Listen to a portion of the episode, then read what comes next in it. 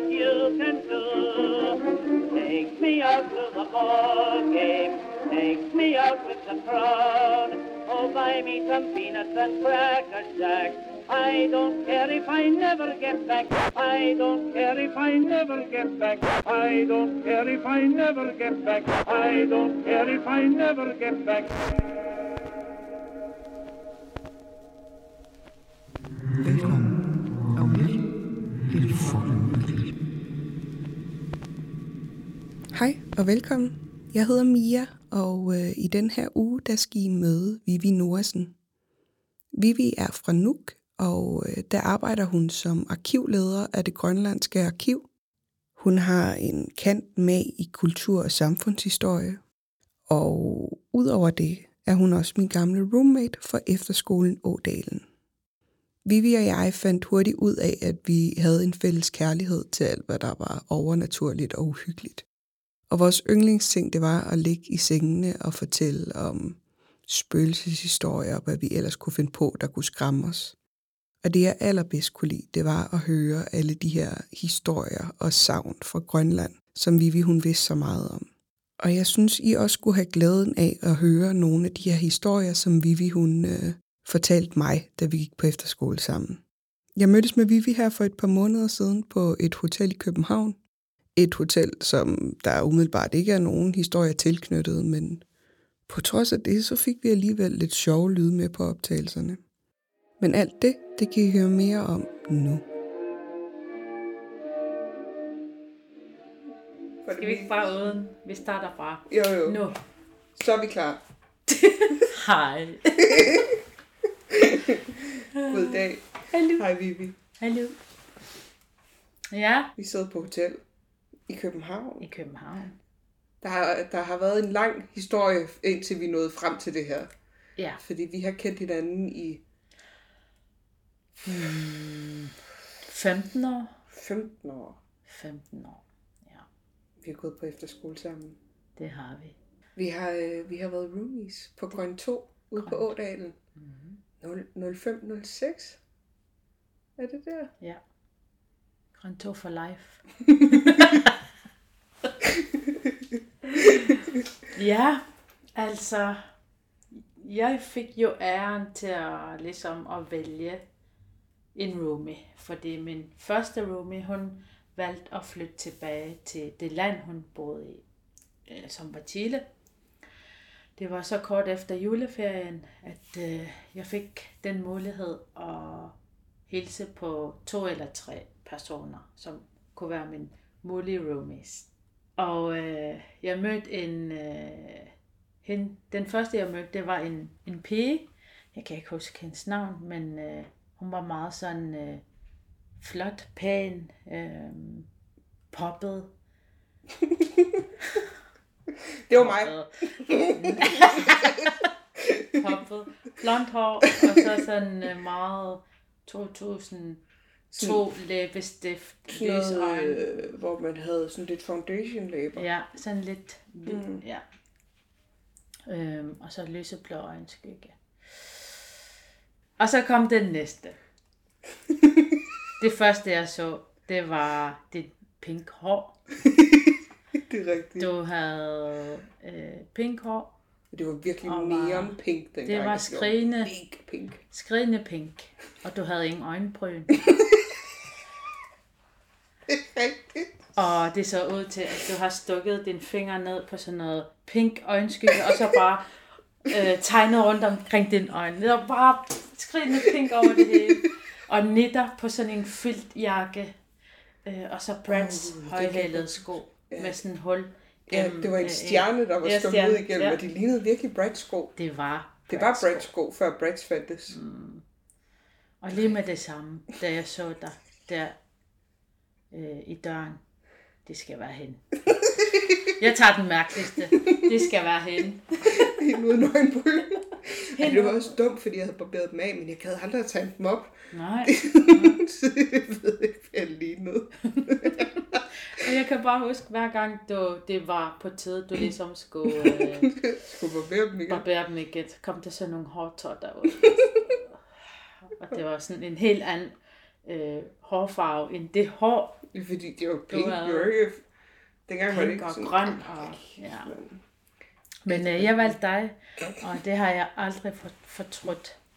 Øh, Den første dag, der, øhm, der sad vi ret længe oppe og snakkede og snakkede indtil klokken to eller sådan noget. vi, vi var, ja, jeg havde valgt den helt rigtige. ja, det var totalt match made in heaven. Det var det.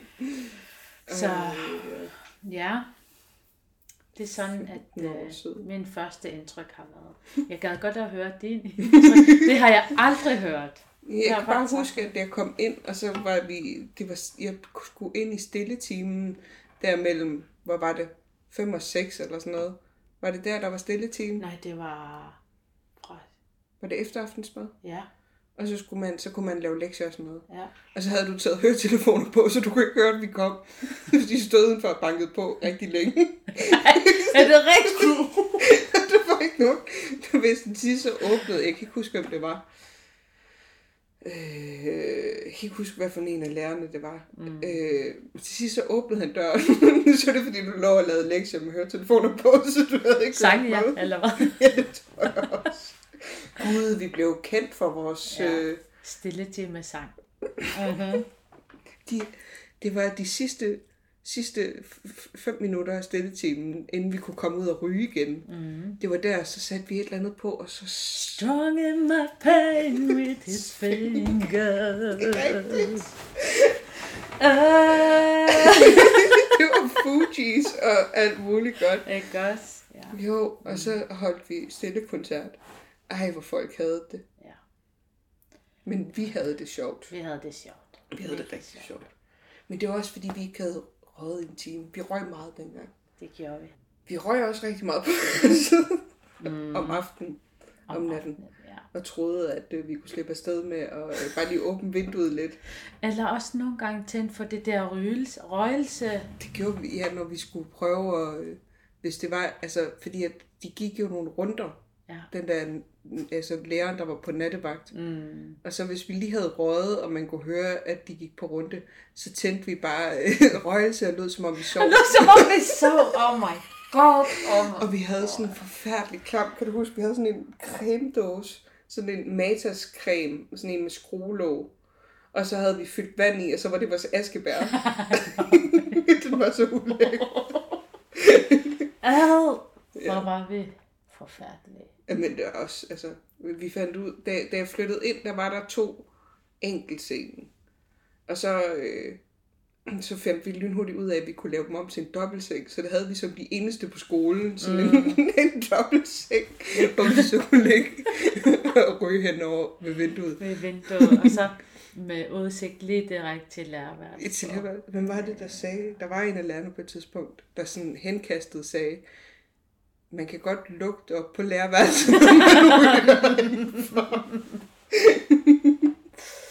Ej, vi var forfærdelige. Ej, så prøv at tænke i dag. Vi lå bare røg inde på vores efterskoleværelse, og i dag kunne man jo så ikke forestille sig at ryge nogle steder henne. Nej. Og vi havde jo vores væg fyldt med plakater. Ikke. Eller lidt af hvert. Forskellige plakater Sådan rigtigt efterskole. efter skole. Og jeg var jo vild med Green Day. Nå ja. Jeg tror, det er den, der fyldte allermest. Oh, jeg havde, det var i den periode, hvor jeg var meget hooked på Brody Dahl fra The Distillers. Mm. Mm-hmm. Det hørte vi meget, The Distillers. Det hørte vi rigtig meget af. Vi hørte bare meget... Ej, alt det der. Vi kan du ikke huske, at jeg spillede alt det der danske børnepunk for dig? Sådan noget hul og tæve og ej et antræk Ja. og paragraf 119 Ja, ja, ja. og øh, hul, det var mit yndlings. Ja. Men vi hørte, vi bondede allerhurtigst over, at vi hørte rigtig meget af det samme musik. Mm. Og Pink Floyd Pink Floyd. og Janis Joplin var der Janis også med på. Joplin rigtig meget. Og Dresden Dolls lidt. Gud? Dresden Dolls, dem havde jeg fuldkommen glemt. Mm. Og spillede du også lidt guitar, selvfølgelig. Det skal man på efterskole. Jamen, jeg lærte jo at spille på guitar lige der, og fandt ud af, at jeg var rigtig god til at høre toner. Og en af de sange, jeg lærte ret hurtigt, det var den der kirkegårdssange. Ikke også? Nå, ja. Mm-hmm. Øh, Rafik. Ja, Eleva Rafik. Øhm, du kunne jo synge en hel vers. kan du stadig huske det? Overhovedet ikke. Overhovedet ikke. Jeg kan kun huske, at der hed Liva Rafik. Ja. Jeg kan bare huske, at den var virkelig god. Mm. Men man kunne ikke finde den. Jeg tror aldrig, jeg har hørt den rigtigt.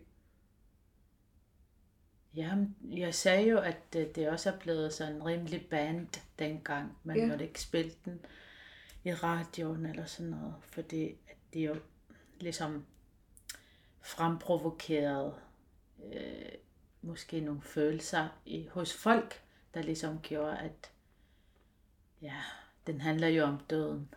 Så øh, den er ikke så velkendt, hvis man kan sige det sådan. Øh, det er ikke nemt at finde den i hvert fald.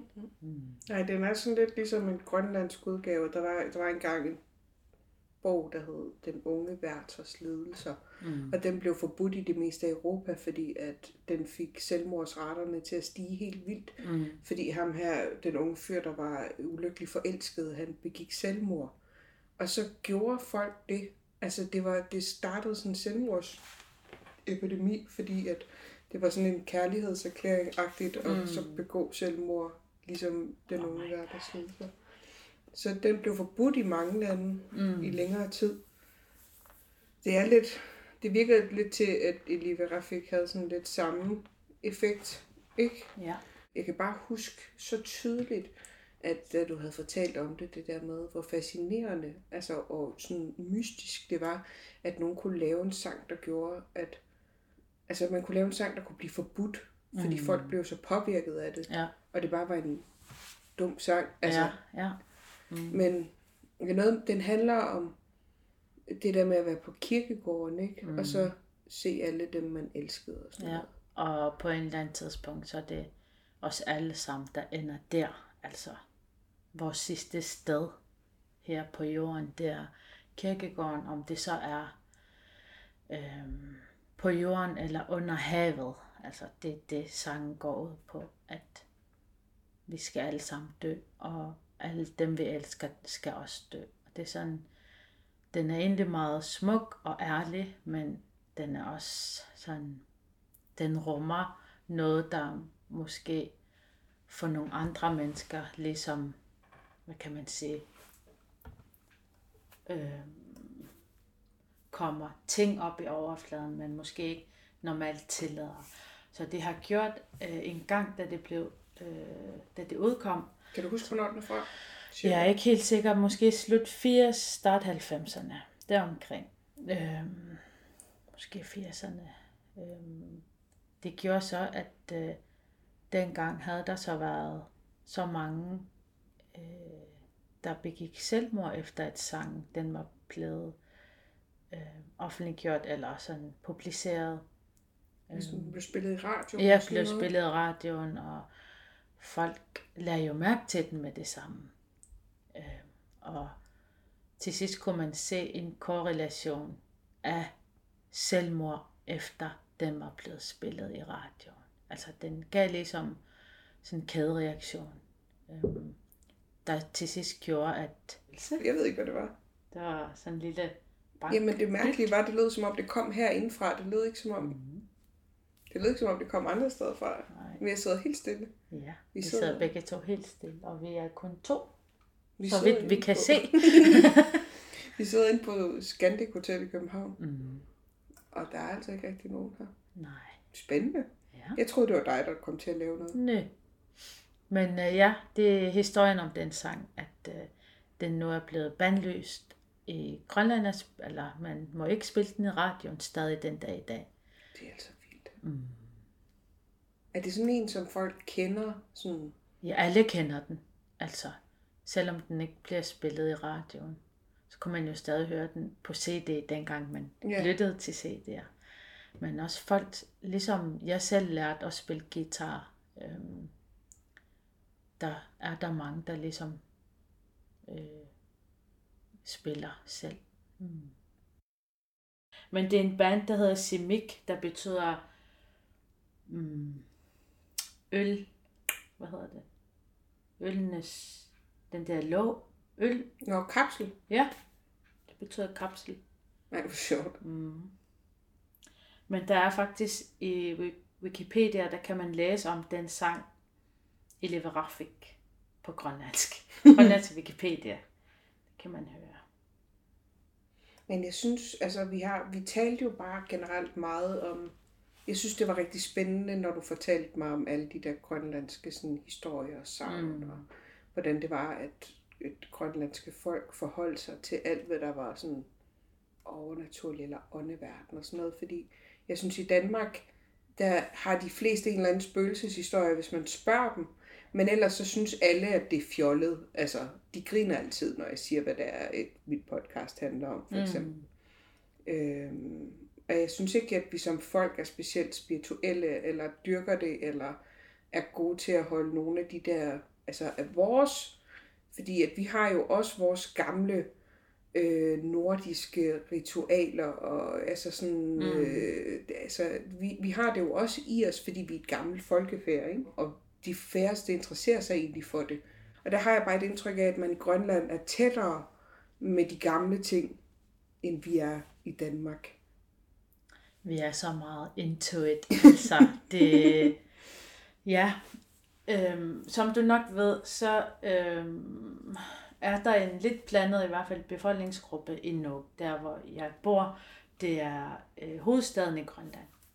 Øh, der møder man også øh, for eksempel danskere, der arbejder og er flyttet til Grønland.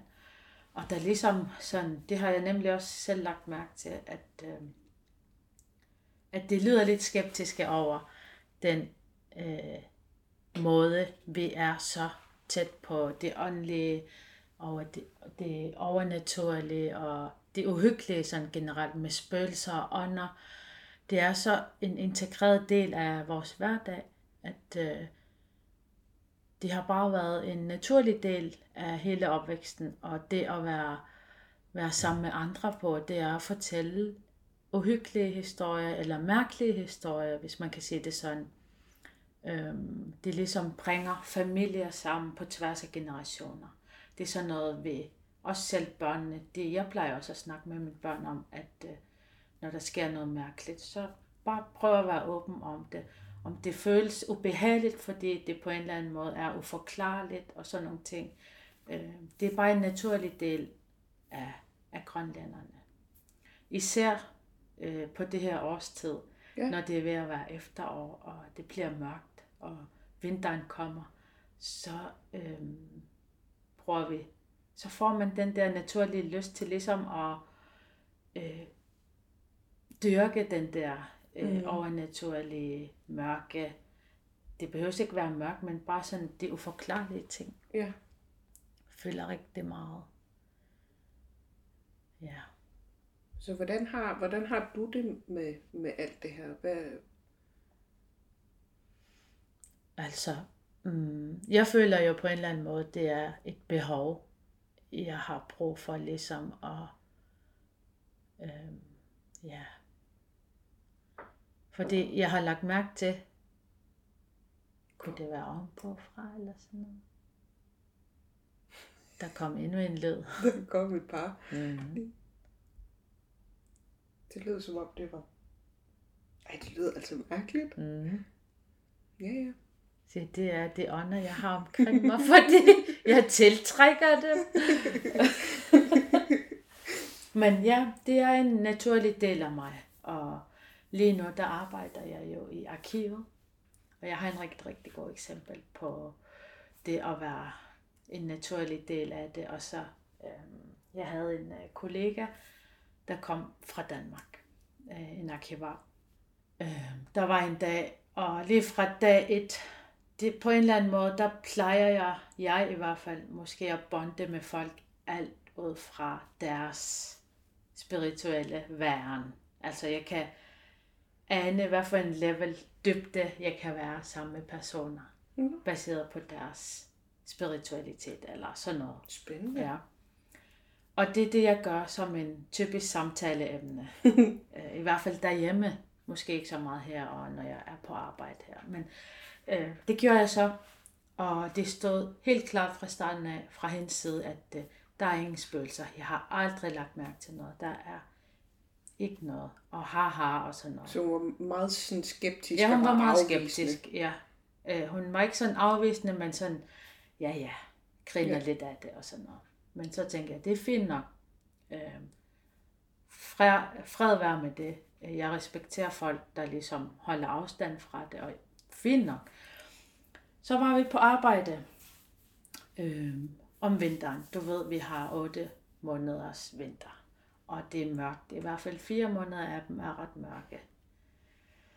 Øhm, vi har en kæmpe magasin, der er, jeg ved ikke hvor, 50 meter lang eller 70. Men øh, hun var derinde, og jeg sad inde på mit kontor, og der er ret langt fra min kontor til ind til magasinet, og man skal have sådan en speciel nøgle for at komme ind. Øh, det er kun arkivarerne, der har det. Det er der, hvor alle dokumenterne ligger. Nå, så Hun var så inde, helt inde, sådan her skulle hun ind. Øh, hun sad og sorterede i nogle kasser og lidt efter en bestemt sag fra en af kommunerne eller sådan noget. Så lige pludselig, øh, der hvor hun stod, der kom jeg frem. Og lige med det samme, så hun kunne ane fra, hvad hedder på grunde øjnene, er det sådan, man siger det? Fra øjenkrogen, Ja, øjenkrogen. At øh, jeg stod der, fordi det var en kvinde i min højde, der til folk, der ikke har set mig, jeg er ikke særlig høj. Altså jeg er sådan 61. Men øh, så tænkte hun, nu pjatter vi ved. Og fordi jeg bare sad der og kiggede på hende, så, øh, så var hun ved at sige, nu skal du lade være, for det, det er ikke sjovt, eller sådan noget. Så da hun kiggede, der stod jeg der ikke. Men der stod en kvinde og kiggede på hende.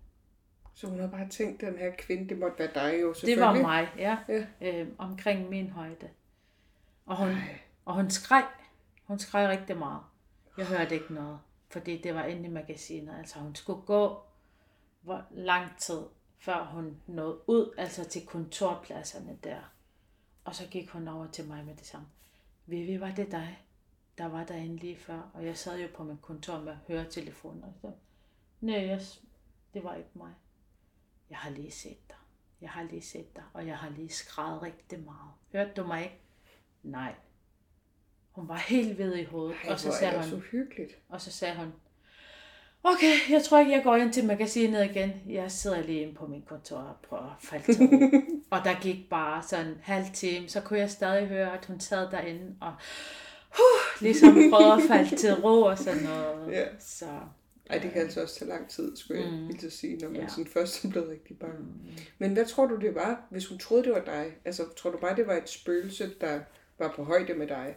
Ja, Eller- altså det vi har i arkiverne, det er jo, altså det jeg tror på, det er, at der er nogle øh, energier, der er øh, tilknyttet til nogle øh, ting, altså objects. Mm. Det kan være øh, altså nogle ting, det kan være papir, nogle følelser, der har været så stærke, at energierne ligesom er der endnu.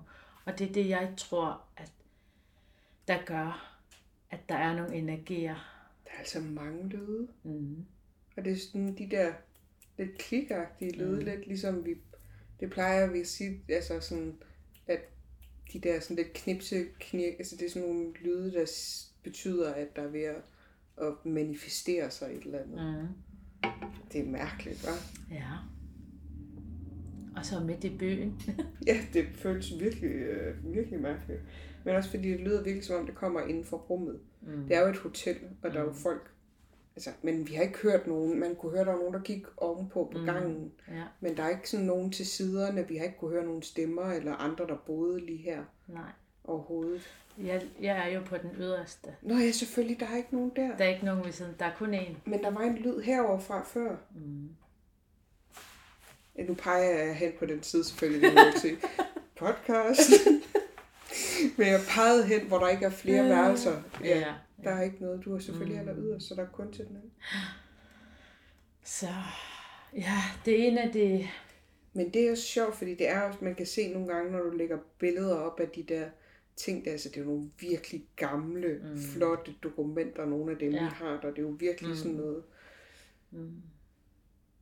Så det er det, jeg tror. Og en af de samlinger, vi har, det er privatarkiverne. Det vil sige øh, personer, der har måske øh, historisk, kulturel eller mm, politisk øh, betydning for Grønland.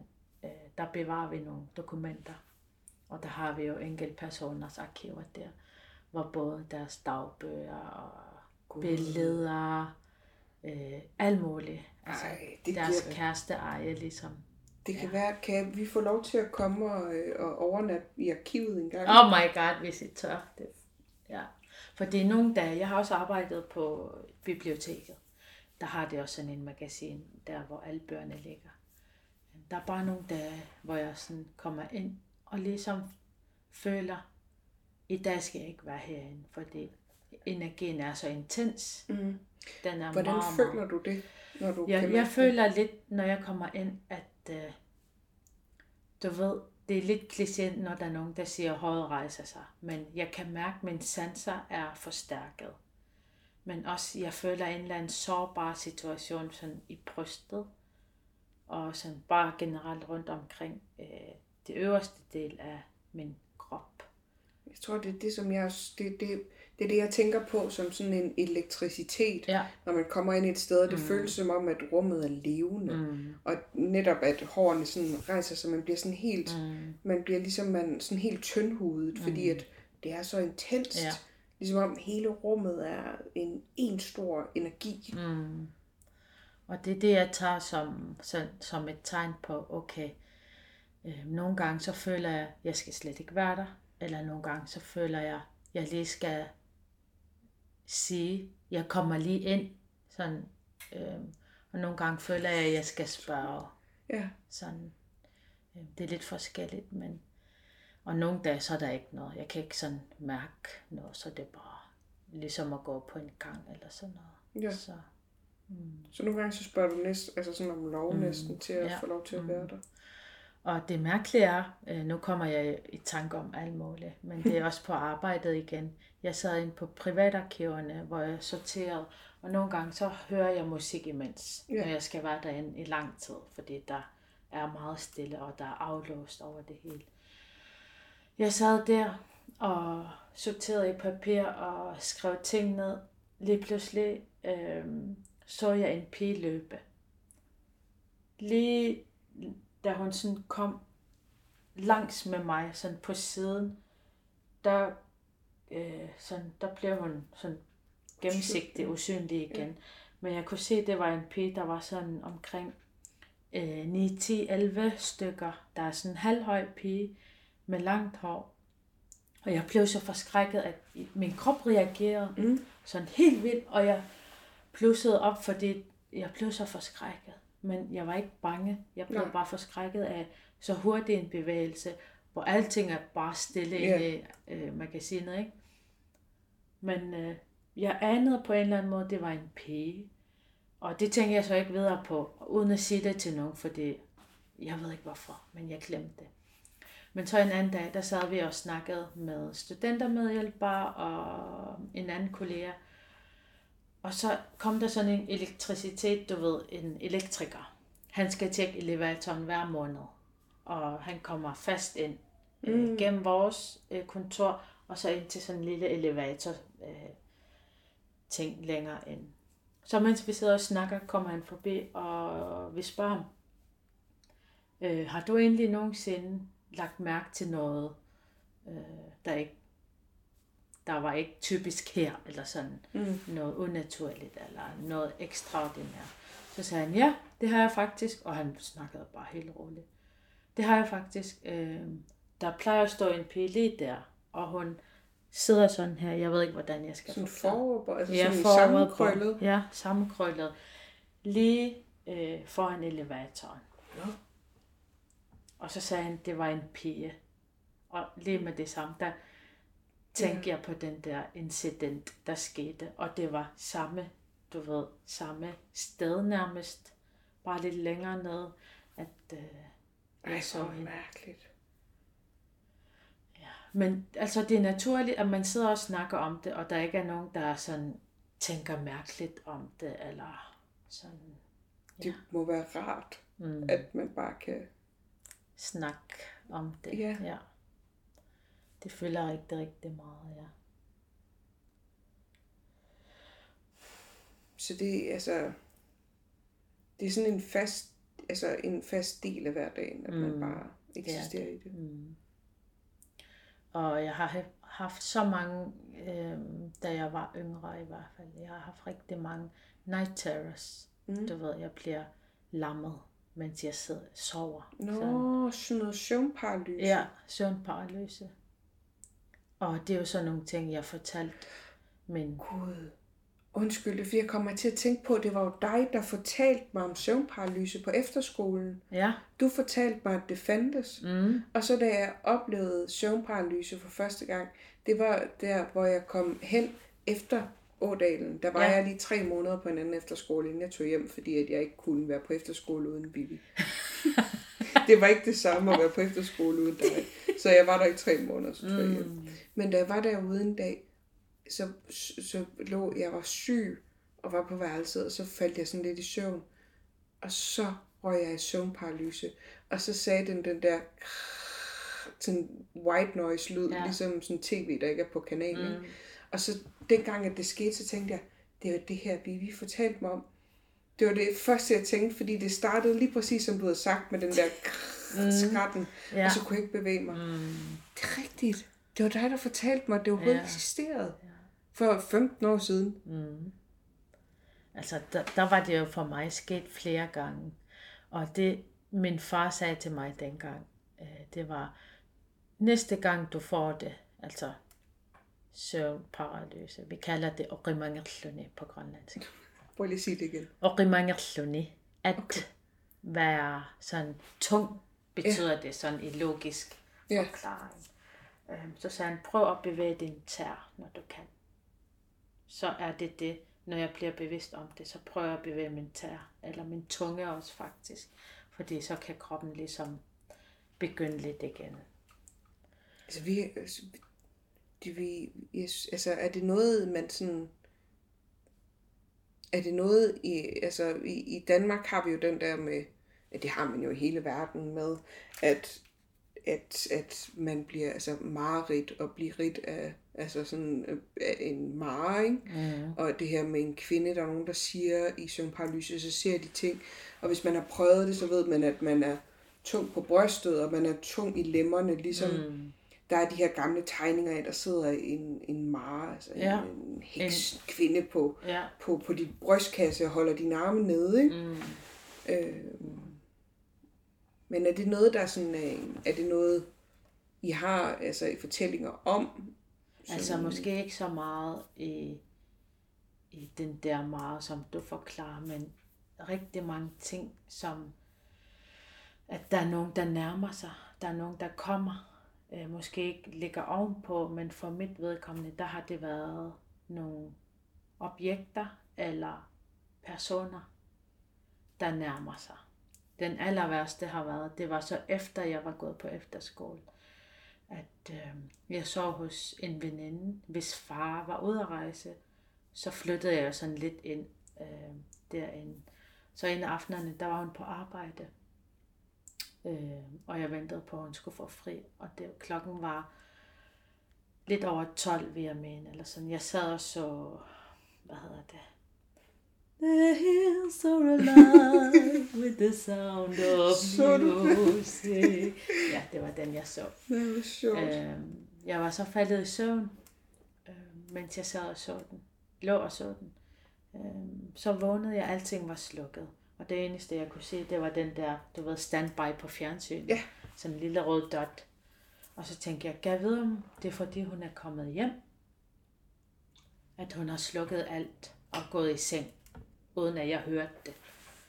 Så vil jeg tænde for lyset, og lyset lå øh, sådan, jeg sad på en sofa, og der hvor min hoved lå øh, langs sofaen, om bag mit hoved, der lå øh, sådan en gulvlampe, hvor jeg kunne tænde. Og da jeg prøvede ligesom at, sådan, at tænde for den, der kunne jeg ane længere hen, der var køkkenet, og øh, langs væggen, der var der et dør. Så lige uden for døren, der kunne jeg mærke sådan meget, meget tung, øh, du ved, energi eller sådan. Det jeg så, det var ligesom, hvis du har kigget på koncentreret saftevand. Øh, sukker, der Nå, ligesom flyder, du ja, ved. ja, ja, jeg Det så lige, jeg. hvad du mener. Mm. Godt det så jeg lige der. Ja. Øhm, og tænkte, hvad, hvad er det, der står der? Og så tændte jeg for lyset. Da lyset tændte, kunne jeg se, at der var en kvinde. En kvinde med langt hår. Hun havde bare overkrop. Hun havde shorts af sælskin. Hun så meget, meget sur ud. Hun var så sur, at hun råbte sådan øh, en uhyggelig lyd, hvor hun, ja, som om hun var ved at Ej, sådan, øh, skælde mig ud, eller på en eller anden måde. Men hun sad bare på gulvet, og så lige pludselig så tog hun sine hænder frem og prøvede ligesom at møve sig frem Ej, over til mig. nej, hvor Hendes ben var lamme, og hun var så sur.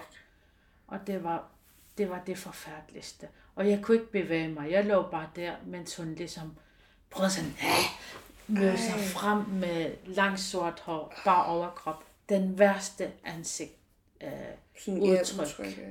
så kan jeg ikke rigtig huske, hvad der skete, men jeg sådan prøvede at vågne fra drøm til drøm, og jeg vidste aldrig, hvornår jeg ligesom vågnede.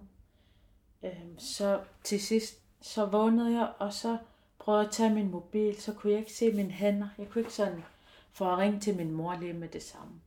Jeg kunne ikke se mine hænder, så jeg anede ikke, hvor jeg sådan ledte. Jeg kunne ikke mærke noget.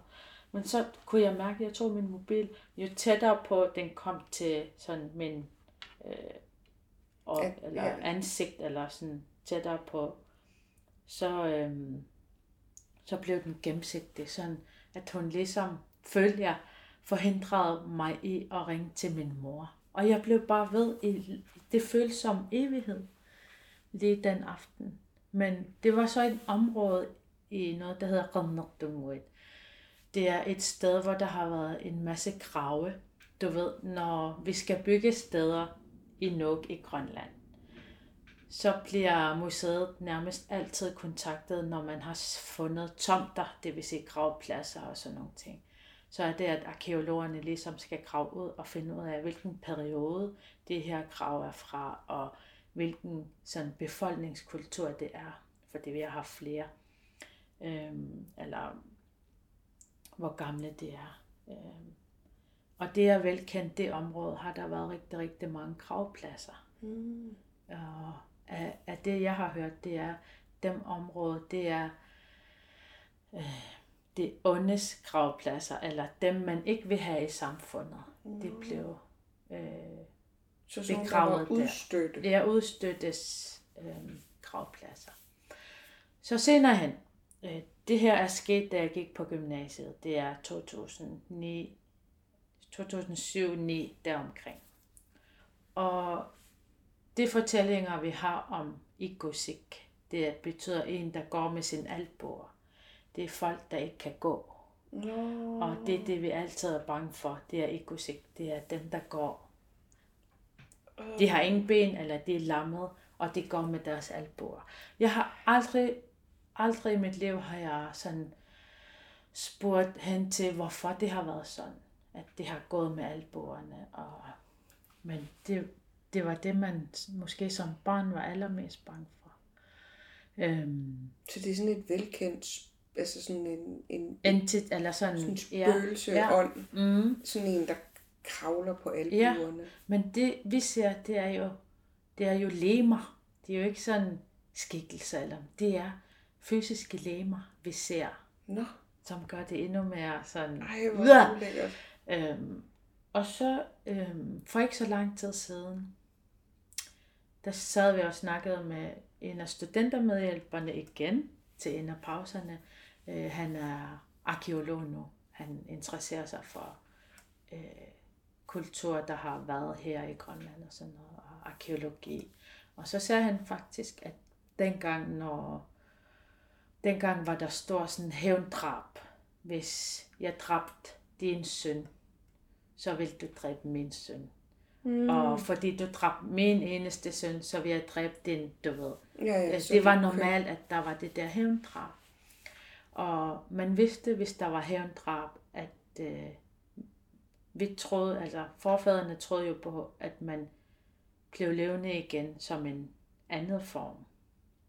Eller kom til en åndeverden som sig selv igen. Øhm, men for at forhindre, at selvom personen, man har dræbt, kommer til leve igen som ånd, og så hævner sig, der fandt jeg ud af, at rigtig mange krave, som de arkeologerne har fundet, generelt øh, flere steder i Grønland, der var benene bundet sammen. Her. Nej, hvor uhyggeligt. Altså, du, det, så, så, de har været bundet ind på sig selv. Ja, sådan, så Sådan- de ikke kan løbe efter Ja. dig, hvis det... Ej. Så hvis man forestiller sig, nu lavede du det bare lige med hænderne, men hvis ja. Man forestiller sig, at man ville binde læggene rundt om, Ja. om det øvre ben, så man mm. simpelthen ikke øh, kan, kan. Ja. gå. Ej, hvor uhyggeligt. Og jeg fik så meget gåsehud den dag, hvor han nævnte lige det der med benene, og den kvinde, jeg så. Og ikke nok med det.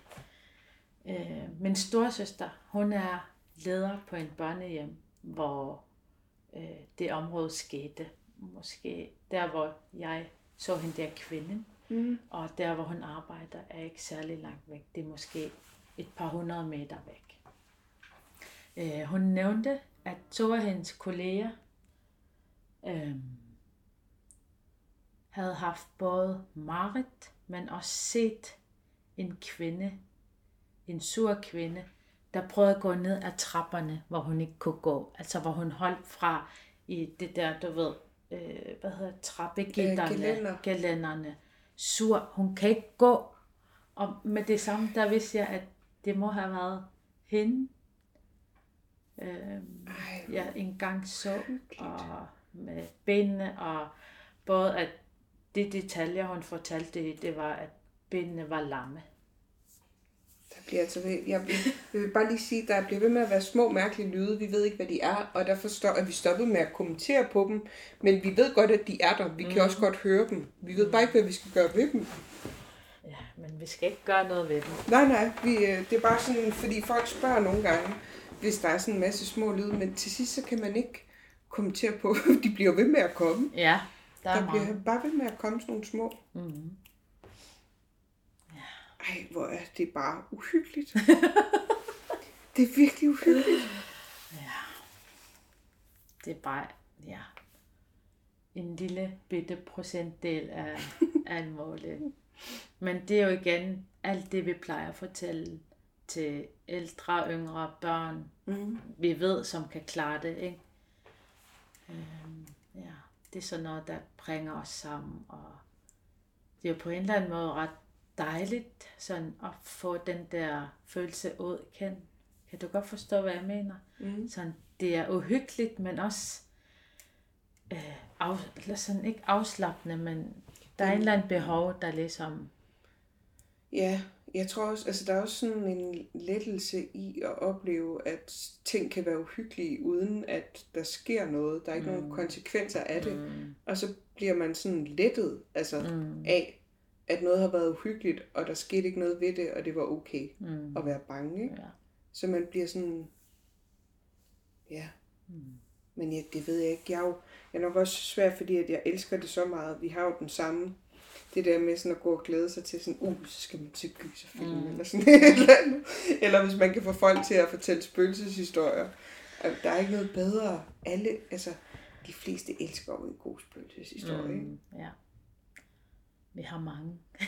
Fordi jeg kan huske en af de der øh, klavoyanterne, jeg ved ikke, Marion, så hedder hun vist nok. Marion Dame på jeans. Måske, ja. Hende har vi i hvert fald også snakket om, kan mm. jeg huske, på Ja. efterskolen. Mm. Øhm, hun var kommet til Grønland på et tidspunkt for ligesom at, øh, du ved, hele nogle steder, altså fredgøre, hvad, hvad kalder man det? Du ved, Der er på engelsk hedder altså- det hele. Ja, vi kalder det sådan, måske rense, Rense, steder. ja, rense steder. Øh, der plejer nogle gange at komme nogen.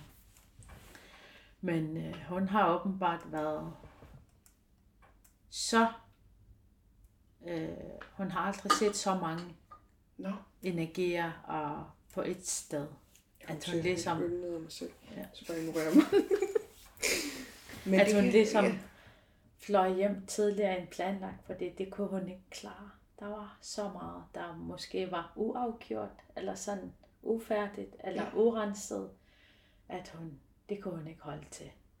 Måske fordi der var så mange, jeg ved det ikke, det, det har jeg aldrig fået forklaret, men jeg tænker måske, at det er fordi, at øh, der er så mange, der dyrker, mm. du ved, den her, at det er, det fylder så meget. Altså, man, vi siger jo, det, det er i hvert fald noget af det, som mange siger, når vi taler om det her, at, at hvis du beskæftiger dig med det på nogen måde, uanset om det bare er et podcast, mm. altså, eller et eller andet andet, men når du begynder at beskæftige dig med det, så kan man ligesom vække det til live. Så jeg tænker, hvis et helt folkefærd beskæftiger sig med det til dagligt, og dyrker det og lader det være, mm. og, og, og ikke kun lader det være, men altså sådan også opfordrer det på sin mm. vis, ja. så giver det vel god mening, at det blomstrer. Mm. Det er vel lidt ligesom at passe en have. Hvis man vander den og gøder den, så mm. blomstrer den op og er mm. fantastisk. Ikke? Ja. Og det skulle man vel også synes, at det kunne med det spirituelle. Ja. Mm. En af de ting, vi jo ligesom også snakker rigtig meget om, eller at du var særlig fascineret over, det var jo fjeldgængeren. Ja, jeg elsker fjeld. Altså, det, det, jeg ved ikke, hvem de er, men jeg elsker altså, jeg synes, ja. konceptet er ekstremt spændende. Ja. Mm, ja, fjeldgænger er jo noget, som øh, stadig er her den dag i dag. Øh, det betyder en person, som har valgt øh, bevidst at tage væk fra samfundet. På Grønland hedder det rivitto. Det betyder en, der er taget væk. Sådan, øh, og bor ude i naturen alene. Øh, og gennem tiderne, der har vi altid fået fortalt, at vi skal passe på fjeldgængerne. Der er to versioner fjeldgængere. Det er det onde fjeldgængere, og så er der dem, der bare vil have fred sådan væk. Jeg vil ikke have nogen med mennesker at gøre. Øhm. Det er sådan en form for social selvmord, ikke? Social selvmord, ja. Mm. Øhm, der er også en koncept, der hedder de nye, de nye fjeldgængere, altså de nye rivitter. Det er de grønlændere, der flytter til Danmark også, faktisk. øhm, men, det har jeg ikke hørt. Mm, det, det har jeg fået fortalt en gang og tænkt, ja, det er jo egentlig også, man flygter hjemmefra, og så ja. øh, flytter hertil, øh, væk fra samfundet. Men øh, der er en masse fjeldgængerfortællinger. Øh, det er meget populære i Grønland. Og det det, vi ligesom, vi har stor respekt for naturen. Øh,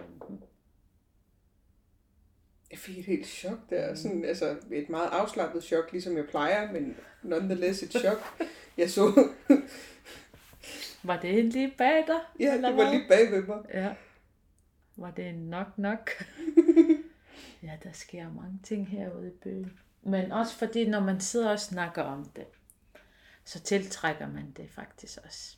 Det har du nok det, jeg har, jeg har stødt har, på det et par gange. Ja, ja, det har du nok. Men det er bare sjældent sådan, altså, jeg synes, det er så voldsomt, som det er lige nu. Mm. Altså sådan, ikke fordi det er voldsomt, men det er stadigvæk, altså, vi har jo ikke siddet her særlig længe. Nej. Og før vi gik i gang med at optage, der var der jo ikke nogen lyde. Nej, det var der ikke. Overhovedet ikke. Så.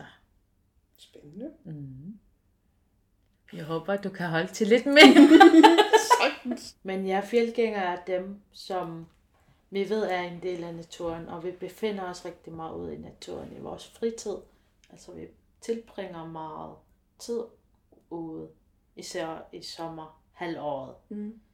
I sommerkvartalet er det for os. I de par, par måneder, der er sommer. I de to måneder, der er sådan okay sommer.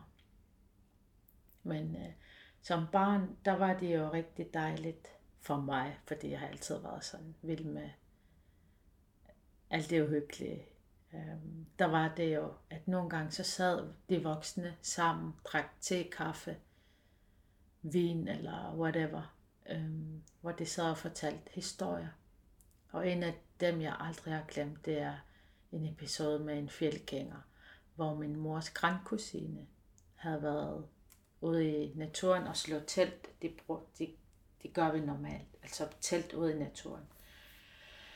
Øh, hun sov, og der er en fortælling om, at øh, din ben skal aldrig stå lige foran telt, du ved, øh, lynlåsen. Døren. Indgangen, ja. Ja. Din ben skal aldrig stå der. Du skal sådan ud på Du skal siden- stå fra siden, når fra du vil ind i siden og teltet. sådan, ja. Og det var det, hun fortalte. Men hun sov lige præcis. Jeg tror måske, at fordi jeg var barn, at det første gang var ligesom jeg hørte, at det var den der, så har det bare hængt ved mig siden. Øhm, Så når man ligger inde i teltet, så skal du sove med benene til siden. til siden. Okay. Eller omvendt, du ved. Med hovedet nede ved indgangen. Ja. Det er da mere uhyggeligt. Ikke også? Man skal være længst væk fra, men der er en eller anden, der siger, øhm, det, har, det har jeg så gjort efterfølgende, men der var lidt mange mennesker, sådan, så var det ikke uhyggeligt. Men, øh, men hun var faldet i søvn, og med maven sådan, øh, Så med, hun lå på maven. hun lå på maven og faldet i søvn. Så midt om natten, så, øh, så vågner hun, at der er nogen, der trækker hende i benene, oh. eller sådan ligger under laget, lige så stille. Ew. Og hun, hende hun ligger sammen med, vist nok, er så langt op, at hun er sådan halvvejs ud, på vej ud.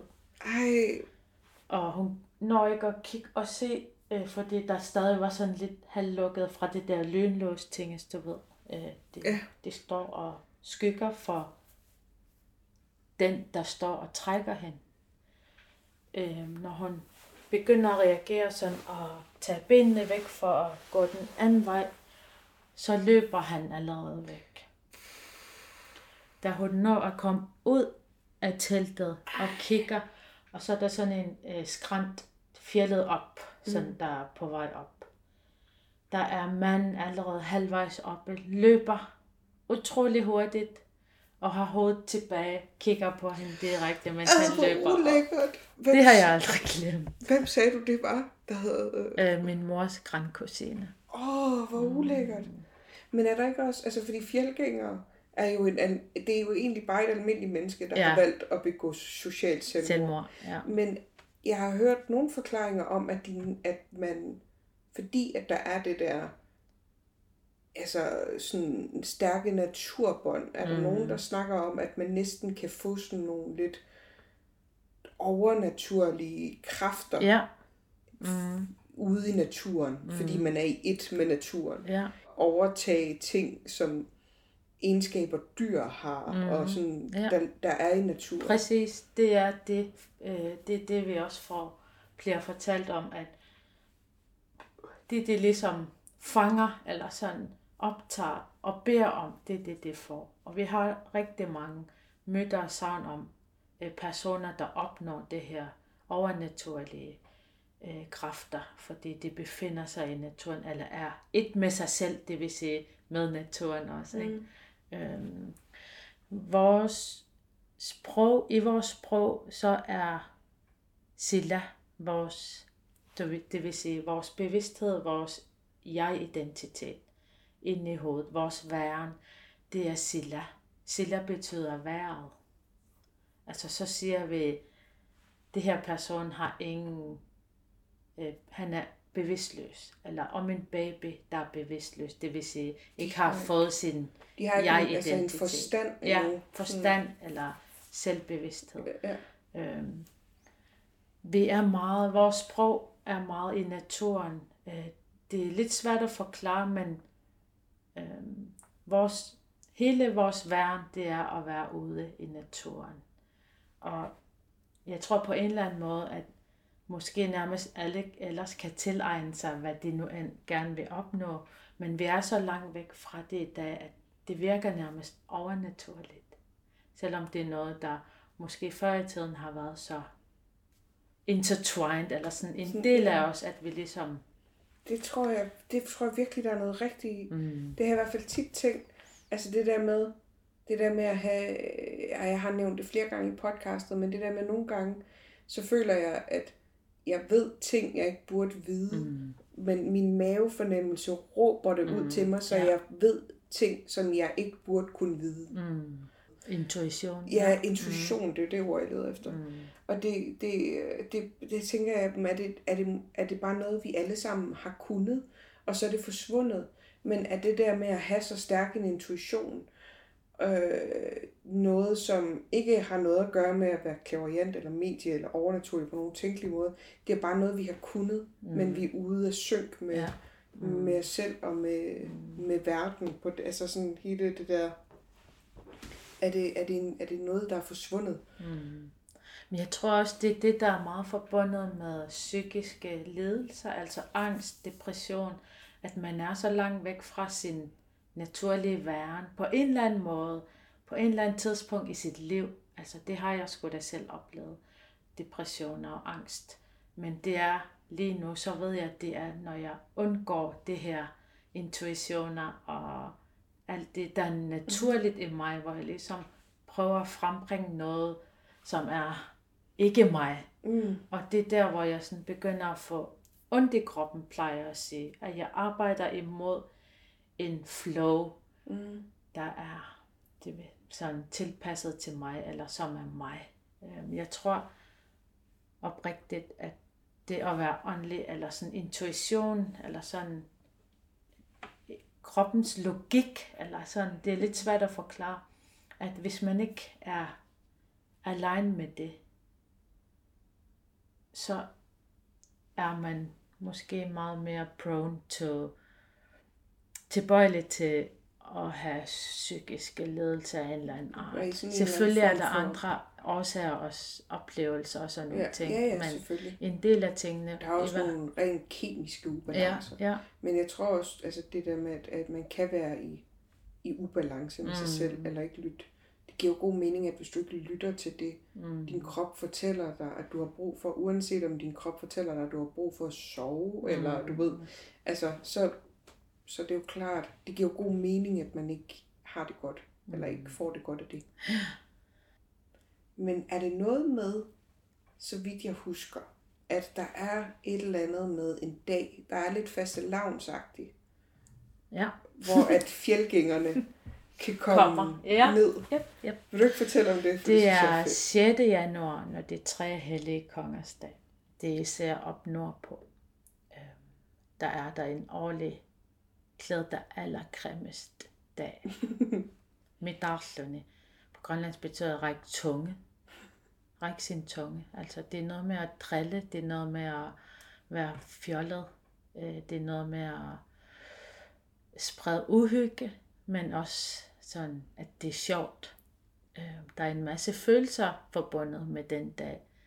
Øh, det er blevet meget populært igen det seneste år, synes jeg der er kommet meget mere awareness omkring mm. det igen, som jeg synes er mega spændende og hyggeligt. Men det er, at folk skal klæde sig ud så grimt som muligt. Om det, det er meget normalt dengang, der havde man jo ikke, man kan jo ikke lige tage ned til øh, FDBR og købe en kostyme, sådan en spøgelseskostyme eller whatever. Folk brugte jo det, de havde derhjemme. Og hvad var det? Øh, fugle, fugle. altså man var jo selvforsynet, ikke? Der var sådan forskellige fugle, fjer eller sådan groppe kulør, altså til sovs. Det putter man sådan, kulør, ja. ja. på ansigtet. Og nogen tager sådan nylonstrømper på, så ansigtet bliver helt deformt. Øh, nogen bruger pels af dyr, og bruger sådan, i dag bruger man tape for eksempel, gaffatape over det hele. Nogle patter hænger ud, øh, nogle har bare numser, nogle bruger, altså det grimmeste outfit, bare være så grimt som muligt. Ja, og måske lugte så meget, som du kan. Så går folk rundt og banker på døre. Og de personer, der bor der, øh, skal prøve at gætte, hvem de personer er. Og man skal gøre sig så ugenkendelig som muligt, at øh, når man gætter dem, så taber man, altså man, you lose. Og vinderen er den, der er aller, aller mest ugenkendelig. Så øh, den tid på året skaber uhygge, men også grin, og, og det larmer og laver mærkelige danse, der giver, det giver ikke logisk mening. Og så kan du forestille dig, at der er nogen, der banker på døren nu, og kommer ind og laver bevægelser, der er mærkelige. Det skaber en eller anden uro, eller sådan... Og når man ikke ved, hvem det er. Ja, når man ikke ved, hvem det er. Men var det noget med, at man skal lukke dem ind og give dem noget at spise, eller et Ja. eller andet? Man skal give dem noget at spise, fordi når man ikke Når du ikke gætter, kan hvem det det, er, ja, så skal du give dem noget at spise. ja, så er det, at man giver det, man har i hjemmet. Altså om det er chokolade, eller om det er et eller andet. Så kan det godt tage noget. Øh, det varierer lidt øh, fra sted til sted, men det er det, man gør. Øh, og, der, og så er der naturligvis nogle fortællinger, at øh, der er nogle, mm, nogle fjeldgængere bruger den begivenhed til at komme til bøen og måske hente noget. Jeg ved ikke, hvad det vil, men Måske mange vil har- se nogen, de kan se de mange Ja. år.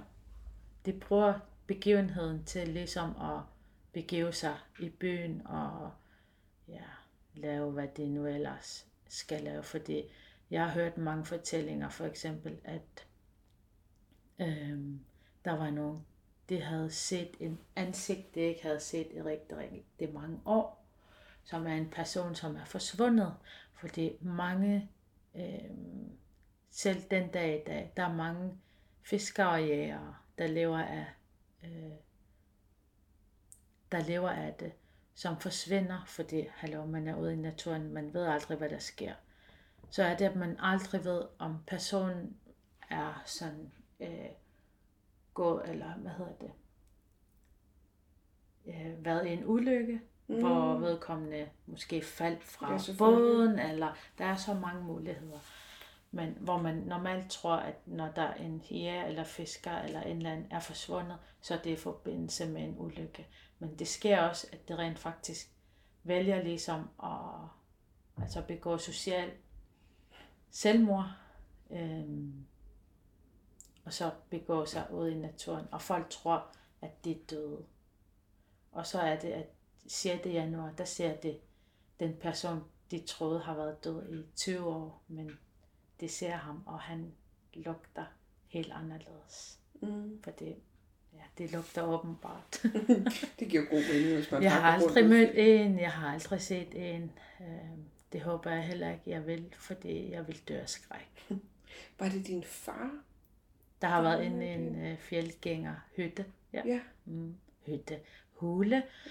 Øh, ja, Øh, det har han faktisk været. Det var noget, var det fordi han havde gået på jagt ude Mm. et sted Mm. og var rendt ind i en? i en øh, sådan fjeldskrant, og lige foran, der var der rigtig mange sådan tørrede kvistpile øh, på vej ind, øh, som min far godt kunne opfatte var øh, sådan nogle, du ved, alarm mod, eller hvad, beredskab til fjeldgængere, fjeldgængere, så Så de vidste, vedkommende der kunne høre, nogen. hvis der kom nogen. Mm. Og så var han jo derinde, øh, hvor der var ret mørkt, men hvor der var sådan øh, pels, rensdyrpels, og, og det lugtede rigtig, rigtig meget af musk. Jeg ved ikke, hvad det er. Men han har været inde i øh, en fjeldgængerhule. Det er lidt mærkeligt sådan at fortælle det på dansk, og Ja. det lyder lidt koldere end, end det, vi er vant til, ligesom, når vi fortæller. Jeg føler, at der er lidt mere krydderi i det. Øh, det er lidt mærkeligt at fortælle sådan, hule. Det lyder så hulemandsagtigt, men det er det jo ikke. Altså, der er flere radioudsendelser, hvor der har været beretninger om altså personer. Øh, Vi går jo stadig på jagt Mm. øhm, hvor de møder eller render ind i nogle fjeldgængere på et eller andet tidspunkt. Og nogen rent faktisk laver en, du ved, alliance og øh, ligesom bytter lidt med, nu har jægeren, nu har han rugbrød eller et eller andet madpakke med, og vedkommende fjeldgængeren hjælper ham med at fange rensdyr. Det er sådan meget mærkeligt. Mega god mening. Jeg tror også, hvis jeg skulle bo ude i en hytte, ude i ingenting og være fjeldgænger, så ville jeg Mm. virkelig komme til at savne rugbrød. Mm, ja. Eller lejder, eller jeg ved det. Light og rugbrød. What more do you need? mm. Men det, ja, det er der. Det, det er der sørme. Og der er nogen, der ligesom, altså i, Amer- i Amerika, der ser man jo Bigfoot, ikke også? Jo. Det er sådan, jeg tror jo ikke på, at der er sådan en pelset, du ved, furry, en eller anden halvabe, jeg ved ikke, hvad det er. Jeg tror jo ikke sådan rigtigt på det, men altså, folk ser jo måske personer eller øh, creatures, Mm. der har været ude i naturen i så lang tid, at de ligesom måske har så, er så behåret, ikke? feral. Ja. Jeg faktisk ikke, hvad Mhm. hedder på, på dansk. Altså, det er jo Sådan måske feral. nærmest samme koncept, og det er så øh, meget ind i vores kultur, at det nogle gange er mærkeligt, at der er måske folk er ude, udefra, der ligesom tænker, at det er jo bare fantasi, men det er faktisk rigtigt. Øh, det er ikke fantasi. Og jeg fortalte jo lidt om, om det, at Vi har jo den danske kriminallov. Vi har jo øh, lovens lange arm, der øh, beskytter folk. Ja, Øhm, var der en nok nok igen? det var min fod Ah, den her gang. Det var okay. min fod. At når politiet fandt, finder øh, fjeldgængere ude i naturen, eller har fået fortalt af en eller anden person, at de har set en, så henter det vedkommende, fordi øh, vedkommende er muligvis i fare, fordi man kan ikke befinde sig i naturen alene. Så de tager fjeldgængeren imod hans vilje for at beskytte ham. Øh, så bliver det, nogle gange kan det, bliver det opfattet som, hvis man kan sige sindssyge, Mm. at selv psykiatrien i Grønland måske ikke kan holde til det. Og vi har bare hørt alt muligt, du ved, vandrehistorier om, at det går på væggene, og Ja, fordi at de så har opnået en eller anden form for overnaturlige ja, ting. ja, Eller, mm, ja. at det bliver sendt til Danmark, altså her til Danmark, øh, og bliver resocialiseret på en eller anden måde, sådan, så det kan begive sig ud igen i samfundet. Mm. Så Monik, I har et par stykker fjeldgængere Det kan her, være, vi er fjeldgængerne her. men hvor ved jeg så ikke. Nej, hvad var det, du nævnte? Jeg har nævnt Rigshospitalets kælder. Det var bare det sted, hvor man aldrig skulle være. Det har I fået fortalt. Mm. Nej, hvor er det sjovt. Vi er jo ikke særlig langt fra Rigshospitalet, så Nej. surprise. lige Jeg var der i går faktisk. Altså ikke på, i kælderen, men uh, for at blive testet, som man jo skal gøre for at komme tilbage til. Grønland. Mm. Du var ikke forbi kælderen lige til. Det var jeg ikke. Det tror jeg sgu ikke, du. Ej, hvor sjovt. Ej, det er, altså, jeg synes, det er virkelig, virkelig, virkelig interessant. Der er sgu mange ting. Hvad har du mange fortalt videre til dine to piger? Altså nogle gange, lige nu, øhm, det ved alt muligt, men lige nu, nogle, nogle dage, så kan vi mærke, at selv i vores hjem, der er der, der er der energier. Øhm, nogle gange øhm, er det svært at forklare, hvad der sker, fordi jeg kan mærke, hvor det er henne. Og i år, mere i år, så er jeg begyndt sådan at rense rigtig meget energien på vores soveværelse. Fordi det er der, jeg slapper rigtig meget af. Og jeg har følt, at jeg har ikke kunnet nå andre rum i vores hjem. Og for ikke så lang tid siden, der til aftensmad, der sad vi faktisk og snakkede om de ånder, eller de energier, der er hjemme hos os. Bare meget åben. Og i og med, at vi stod åben og snakkede om det, så sagde vores børn også, jeg ser faktisk også øh, nogle ting inde i soveværelset, altså i børnenes soveværelse. Det er skræmmende. Øh, Gør de begge to det? mm. De er jo så små. Hvor er det vildt. Mm. Og så øh, Leva, hun for, den yngste, hun forklarede ikke så meget, men sagde, jeg plejer at være bange for det. Det er sådan meget, du ved. Mm. Øh, men jeg prøver altid at tage det seriøst, når det øh, tager det op. Og vi sad så og snakkede. Og uden at jeg havde sagt det, der havde jeg følt, at den energi var et barn, faktisk. Øh, der var øh, lidt, lidt på størrelse med børnene, sådan midt imellem nærmest. Mm. Og så sagde min ældste faktisk, at hun, hun har set, men ikke set med øjnene, sagde hun. Hun prøvede sådan at forklare, jeg har set det, men ikke med mine øjne. At det er en, et barn, og det er en pige. Og jeg blev lige med det samme. Helt sådan, øh, jeg har faktisk også lagt mærke til det. Mm. Og det begyndte at være bange med det samme. Og den yngste, hun løb hen op til mig, og så sagde jeg, det gør ikke noget. Nogle gange, så er der nogen, der passer på os derhjemme, og nogle gange, så er der nogen, der kommer forbi, for det, jeg ved ikke. Øhm, prøv bare at snakke åben om det, og at det bliver en fast del af det. Og så sagde jeg faktisk også, at når vi er bange, eller når vi sover, så giver vi dem faktisk energi. Så bliver de stærkere. Men rent faktisk er det op til os, ligesom at se, det her er mit hjem, sådan så man kan føle sig stærkere. Mm. Og, øh, det er ligesom det, jeg prøver at forklare børnene, at det, nogen kan tage energier, nogen øh, holder man sig væk fra. Og så var jeg ved at sige, når du ser barnet igen på en eller anden tidspunkt, så forestil dig, måske har den brug for kærlighed. Måske har den brug for at være elsket. Og så var jeg i gang med at sige, så forestil dig, at du krammer barnet, og så over for mig siger Ritter, nej, nej, Vivi, det skal du ikke. Du ved ikke, ja, ja, du ved ikke, hvad det er. Nej. Altså, du ved ikke, hvad du giver kærlighed til. Så sagde jeg, okay, det er nok meget rigtigt. øh, ja. Men så bare altid sige, at det er mit hjem, og jeg er stærkere end dig. Det tror jeg faktisk hjælper rigtig meget, at det er ligesom, okay, vi har faktisk en rolle at spille. Ikke altid at være den, der er bange, men også mm. kan sige.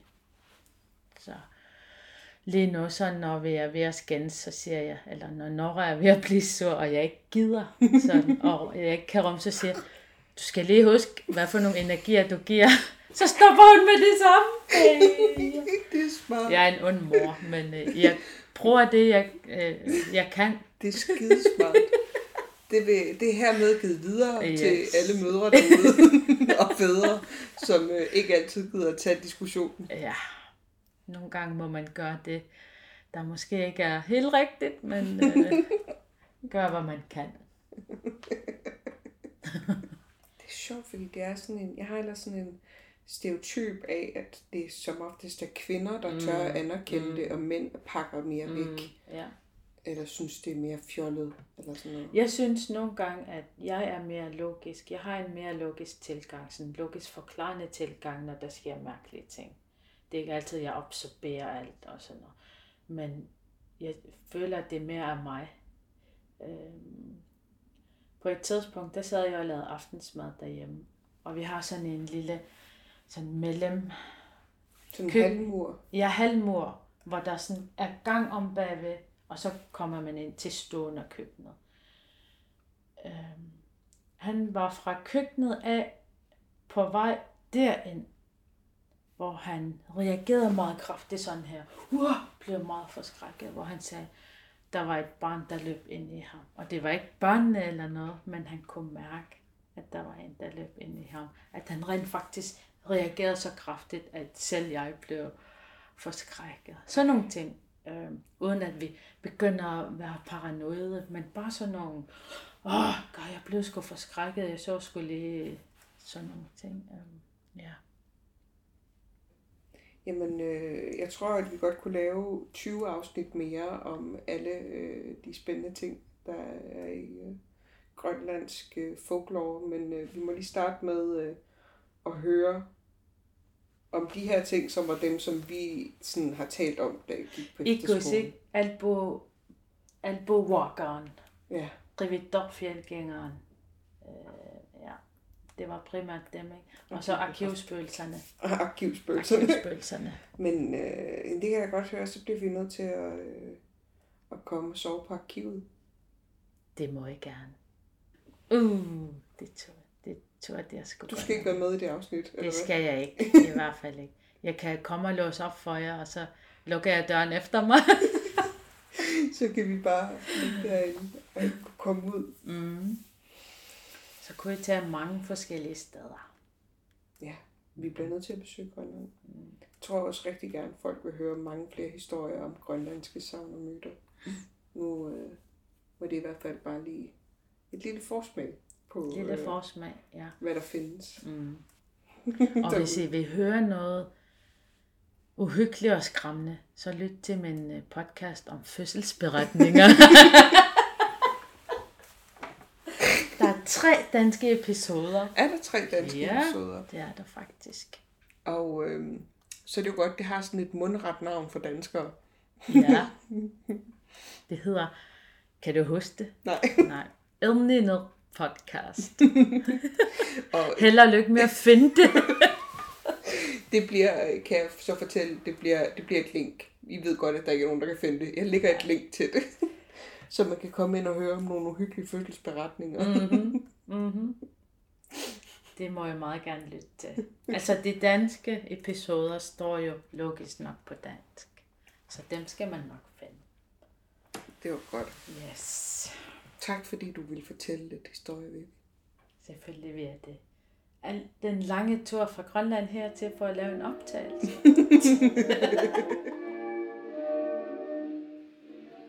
Tak fordi du lyttede med.